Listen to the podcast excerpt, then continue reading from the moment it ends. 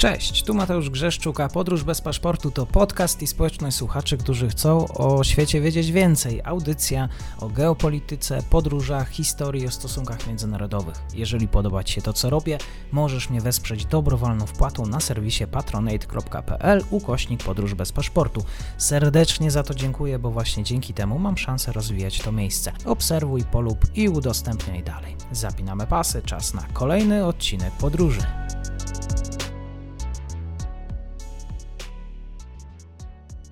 Dzień dobry wszystkim słuchaczom. Dzisiaj ma wielką przyjemność gościć pana ambasadora Rzeczpospolitej Polskiej Tomasza Łukaszuka, m.in. w Indonezji, Afganistanie, Bangladeszu oraz Sri Lance. Dzisiaj właśnie o Sri Lance będziemy rozmawiać, krótki komentarz, a moim gościem jest właśnie pan ambasador, pracownik naukowo-dydaktyczny również Wydziału Nauk Politycznych i Studiów Międzynarodowych Uniwersytetu Warszawskiego. Dzień dobry panie ambasadorze i dziękuję za przyjęcie zaproszenia. Dzień dobry, dzień dobry panu. Ja dziękuję za zaproszenie. Sri Lanka będzie dzisiaj tematem naszej rozmowy. Chciałbym rozpocząć jednak od y, takiej kwestii, która może jest tematem rzeką, ale która gdzieś się pojawiała w mediach i będzie też naszym y, pretekstem do tego krótkiego spotkania. Władze Sri Lanki jeszcze jakiś czas temu, to był początek września, zaczęły reglamentować żywność. Mówi się też y, o tym, że Sri Lankę dotyka kryzys gospodarczy, brakuje najpotrzebniejszych produktów żywnościowych. Nawet szef państwa mianował jednego ze swoich oficerów, oficerów komisarzem generalnym za zaopatrzenie m.in. w ryż, cukier czy inne artykuły spożywcze. Panie ambasadorze, dlaczego na Sri Lance jest tak źle w kontekście właśnie żywności? Czy rzeczywiście jest to kraj, w którym tego pożywienia brakuje? Mogę powiedzieć,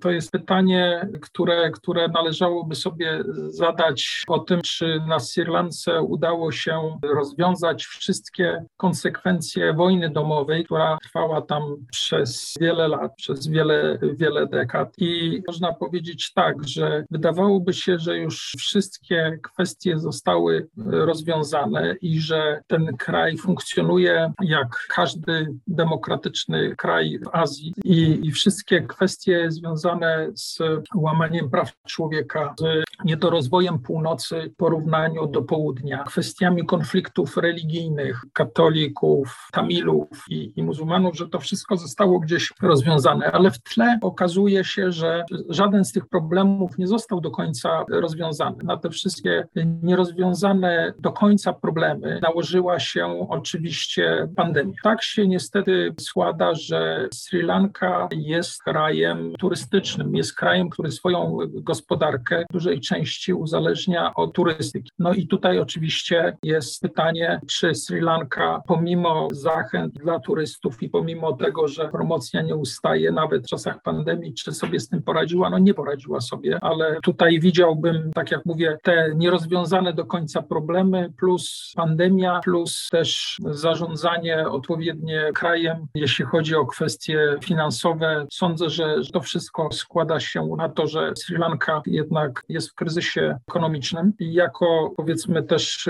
potwierdzenie tego, że ten kraj potrafi sobie poradzić w różnych sytuacjach, ale jednak gdzieś tam tle pojawiają się te nierozwiązane problemy. Przykładem tego jest oczywiście port Hambantota, gdzie Chińczycy płynęli na, to jest port na południu Sri Lanki, który został zbudowany przez Chińczyków i początkowo Chińczycy zapewniali, że nie powtórzy się schemat znany mam bardzo dobrze z Ameryki Południowej, czy też, czy też z Afryki, to znaczy wpędzanie w jakąś pułapkę kredytową rządu Sri Lanki. Sri Lankijczycy pod naciskiem Indii przedłużali rozmowy w sprawie portu Hambantota, jak i również w sprawie rozbudowy portu w Colombo i w końcu jednak zdecydowali się współpracować z Chińczykami. Skończyło się na tym, że port Hambantota jest oddany, można powiedzieć, wieczystą dzierżawę, bo na 99 lat, więc jednak te, te błędy w zarządzaniu są popełniane i te błędy nadal mają wpływ na to, że Sri Lanka, pomimo tego, że tak z zewnątrz wygląda na kraj już powiedzmy sobie, który wydobył się z tej zapaści spowodowanej długoletnią wojną domową, to jednak nie jest jeszcze w sytuacji tak dobrej, jakby się wydawało. Zarządzanie funduszami państwa, zarządzanie budżetem państwa to jest jakby, wydaje mi się, na oddzielny temat i raz raczej nie na dyskusję ze mną, ale z kimś, kto by powiedział to z perspektywy, można powiedzieć, praktyka banku centralnego i też również finansów międzynarodowych, bo to są błędy popełniane powiedzmy na tym etapie, jeśli chodzi o Sri Lankę. Można powiedzieć, że kraj ten jest krajem olbrzymich możliwości, ale jak wiele krajów olbrzymich możliwości, no one nie do końca są wykorzystywane i jest to klasyczny przykład kraju, gdzie te możliwości wydawałoby się są olbrzymie, gdzie kraj, który leży na jednym z największych szlaków morskich szlaków transportowych świata, powinien po prostu to optymalnie wykorzystywać. Na razie to optymalne wykorzystanie ogranicza się do tego, że porty srilankijskie są największymi dla Indii portami przeładunkowymi, ale nie jest to, to nie jest też do końca wykorzystane, dlatego że Sri Lanka no, leży na głównym szlaku transportowym między Zatoką Perską, Europą i Azją Wschodnią. Więc dlatego mówię, że, że to wszystko razem z zewnątrz wygląda bardzo dobrze, natomiast wewnątrz niestety nadal pokutują stare błędy i stare nierozwiązane problemy. Jeżeli chodzi o port, o którym wspomniał pan ambasador, ówczesny rząd Sri Lanki w 2017 roku, też wyjaśniając dla słuchaczy, zgodził się oddać port na 99 lat. To było w ramach tego zadłużenia zaciągniętego w Chińskiej Republice Ludowej.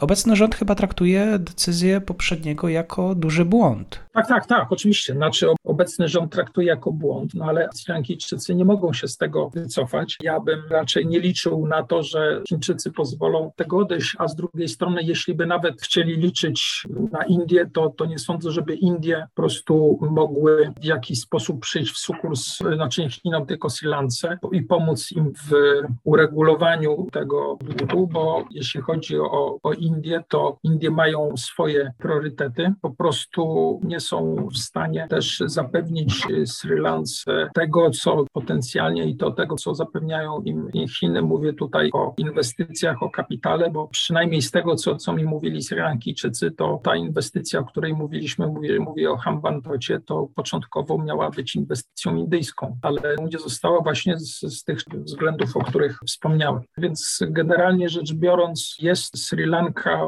w sytuacji, kiedy geopolitycznie i ekonomicznie ma doskonałe położenie, no ale jednak nie udało się temu krajowi do, do końca tego wykorzystać. Sądzę, że to są, tak jak mówię, konsekwencje tych, tych wszystkich spraw, o których panu mówiłem i też jest to kwestia tego, znaczy można powiedzieć zarządzania. Nie sądzę, żeby Sri Lankijczykom w kontekście ich relacji z Chinami pomógł Międzynarodowy Fundusz Walutowy, czy też inne instytucje finansowe, no bo to, to by pociągnęło za sobą zbyt daleko idące konsekwencje w relacjach dwustronnych z tym krajem, więc po prostu na razie jest właśnie tak, jak pan powiedział, to znaczy sytuacja w kraju, który mógłby być trochę większym Singapurem, no Srilankijczycy są w sytuacji, kiedy brakuje im żywności, kiedy sytuacja ekonomiczna jest, można powiedzieć, sytuacją nadzwyczajną w negatywnym tego słowa znaczeniu.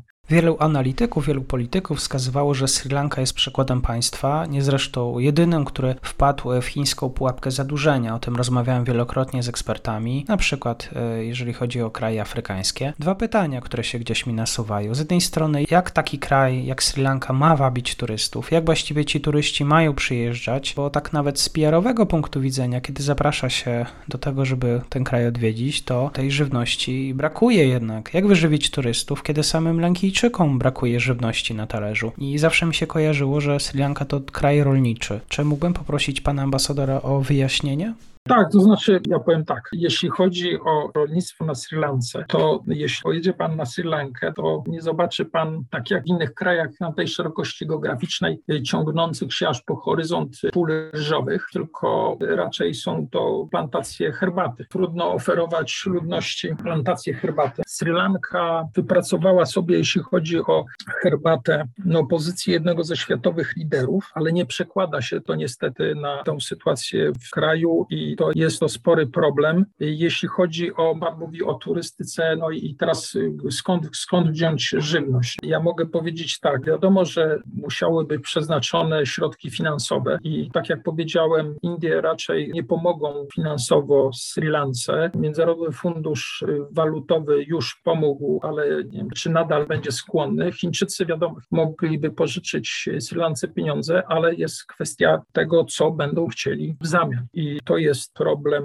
dla rządu srylankijskiego, który jeszcze przed pandemią wydawało się, że jest na, na najlepszej drodze do naprawdę sukcesu, jeśli chodzi o rozwój infrastruktury turystycznej. Mówię tutaj o tych o nowych hotelach w Colombo i, i całym nabrzeżu, które miały, jak powiedzieć, zmienić oblicze tego największego miast kraju, ale trzeba pamiętać o tym, że jest y, infrastruktura turystyczna na Sri Lance nadal nieporównywalnie uboższa od konkurencji w Azji Południowo-Wschodniej. To znaczy mówię tutaj o Tajlandii, czy o Indonezji, czy Malezji. To są jakby powiedzieć moje obserwacje i porównania z tych krajów, w których byłem i których, które odwiedzałem, ośrodki turystyczne. Mówię tutaj o tych wszystkich krajach, które wymieniłem i sądzę, że tylko na obecnym etapie pomoc Międzynarodowego Funduszu Walutowego i jakiś program uzdrowienia gospodarki, wydaje mi się, że tylko to byłoby w stanie uratować przez najbliższe, mówię tutaj, dwa lata Sri Lankę. Też trzeba, trzeba patrzeć na, na Sri Lankę, tak jak powiedziałem, na, na północ i południe, bo to też jest ważne. My, o czym rozmawiamy, mówię tutaj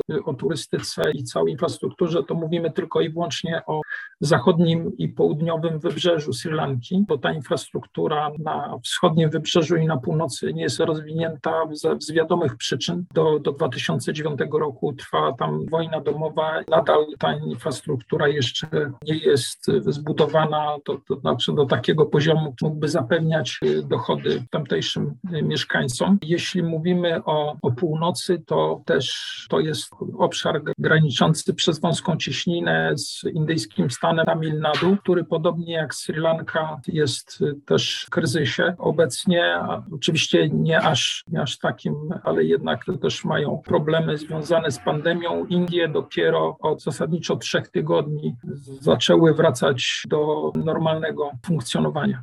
To jeszcze jeden wątek, który mi się pojawia, o którym zresztą pan ambasador też nadmienił, kwestia bezpieczeństwa, terroryzmu. Na Sri Lance odżywa terroryzm, ale to były hasła, które towarzyszyły tym wielkanocnym zamachom na Sri Lance. Panie ambasadorze, jak ten lokalny terroryzm wpływa po pierwsze na sektor turystyczny, dwa na takie normalne życie Lankijczyków? Tak, to znaczy ja rozmawiałem, rozmawiałem ze Sri po tych zamachach wielkanocnych, których też zginęli europejscy turyści, w tym dzieci duńskiego biznesmena i to był dla nich szok. Wręcz mówili, że po prostu ich kraj już no, po, po tylu latach wojny domowej po prostu nie zasłużył na to, żeby być obiektem takich ataków. No ale tak jak powiedziałem wcześniej, że te wszystkie kwestie zamieszek na tle religijnym wydawałoby się, że one już nie zaistnieją, że to już zostało rozwiązane. No nie zostało rozwiązane, ja tam byłem wielokrotnie i po prostu wydaje mi się, że brakowało jakiegoś, zostało zbyt dużo niedopowiedzeń, brakowało, wydaje mi się, jakiegoś dialogu, czy żeby nie nazwać tego dialogiem ekumenicznym, ale zabrakło właśnie tego elementu, o którym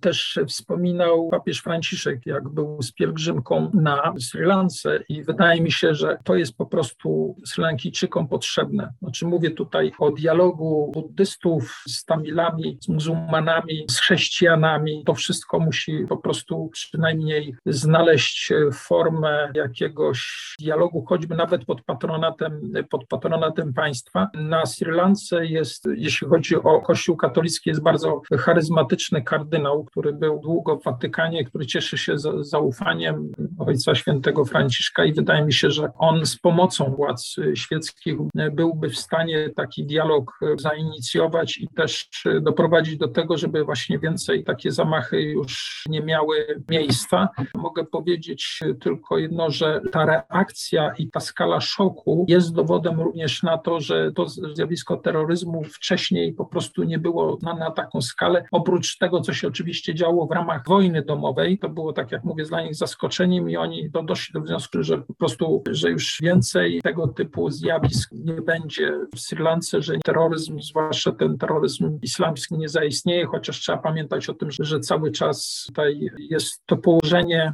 geopolityczne ma swoje, oprócz pozytywnego potencjału, ma również strony negatywne, bo po prostu tam po tamtych szlakach wiadomo, że też poruszają się nie tylko statki handlowe, ale również są w centrum zainteresowania organizacji turystycznych i tutaj oczywiście zależy to od władz cywilnych, żeby to i współpracowały z Indiami i z innymi największymi graczami na Oceanie ja myślę, że temat wojny domowej i tamilskich tygrysów to jest niewątpliwie temat na osobny podcast. Mam nadzieję, że i tutaj w przyszłości będziemy mogli się spotkać, porozmawiać. Ambasadorze, dziękuję za te krótkie słowo. E, mam nadzieję, że do następnej audycji i też w nieco ujęciu historycznym będziemy mogli się spotkać. Moim gościem był pan ambasador Tomasz Łukaszuk, Wydział Nauk Politycznych i Studiów Międzynarodowych Uniwersytetu Warszawskiego. Bardzo dziękuję.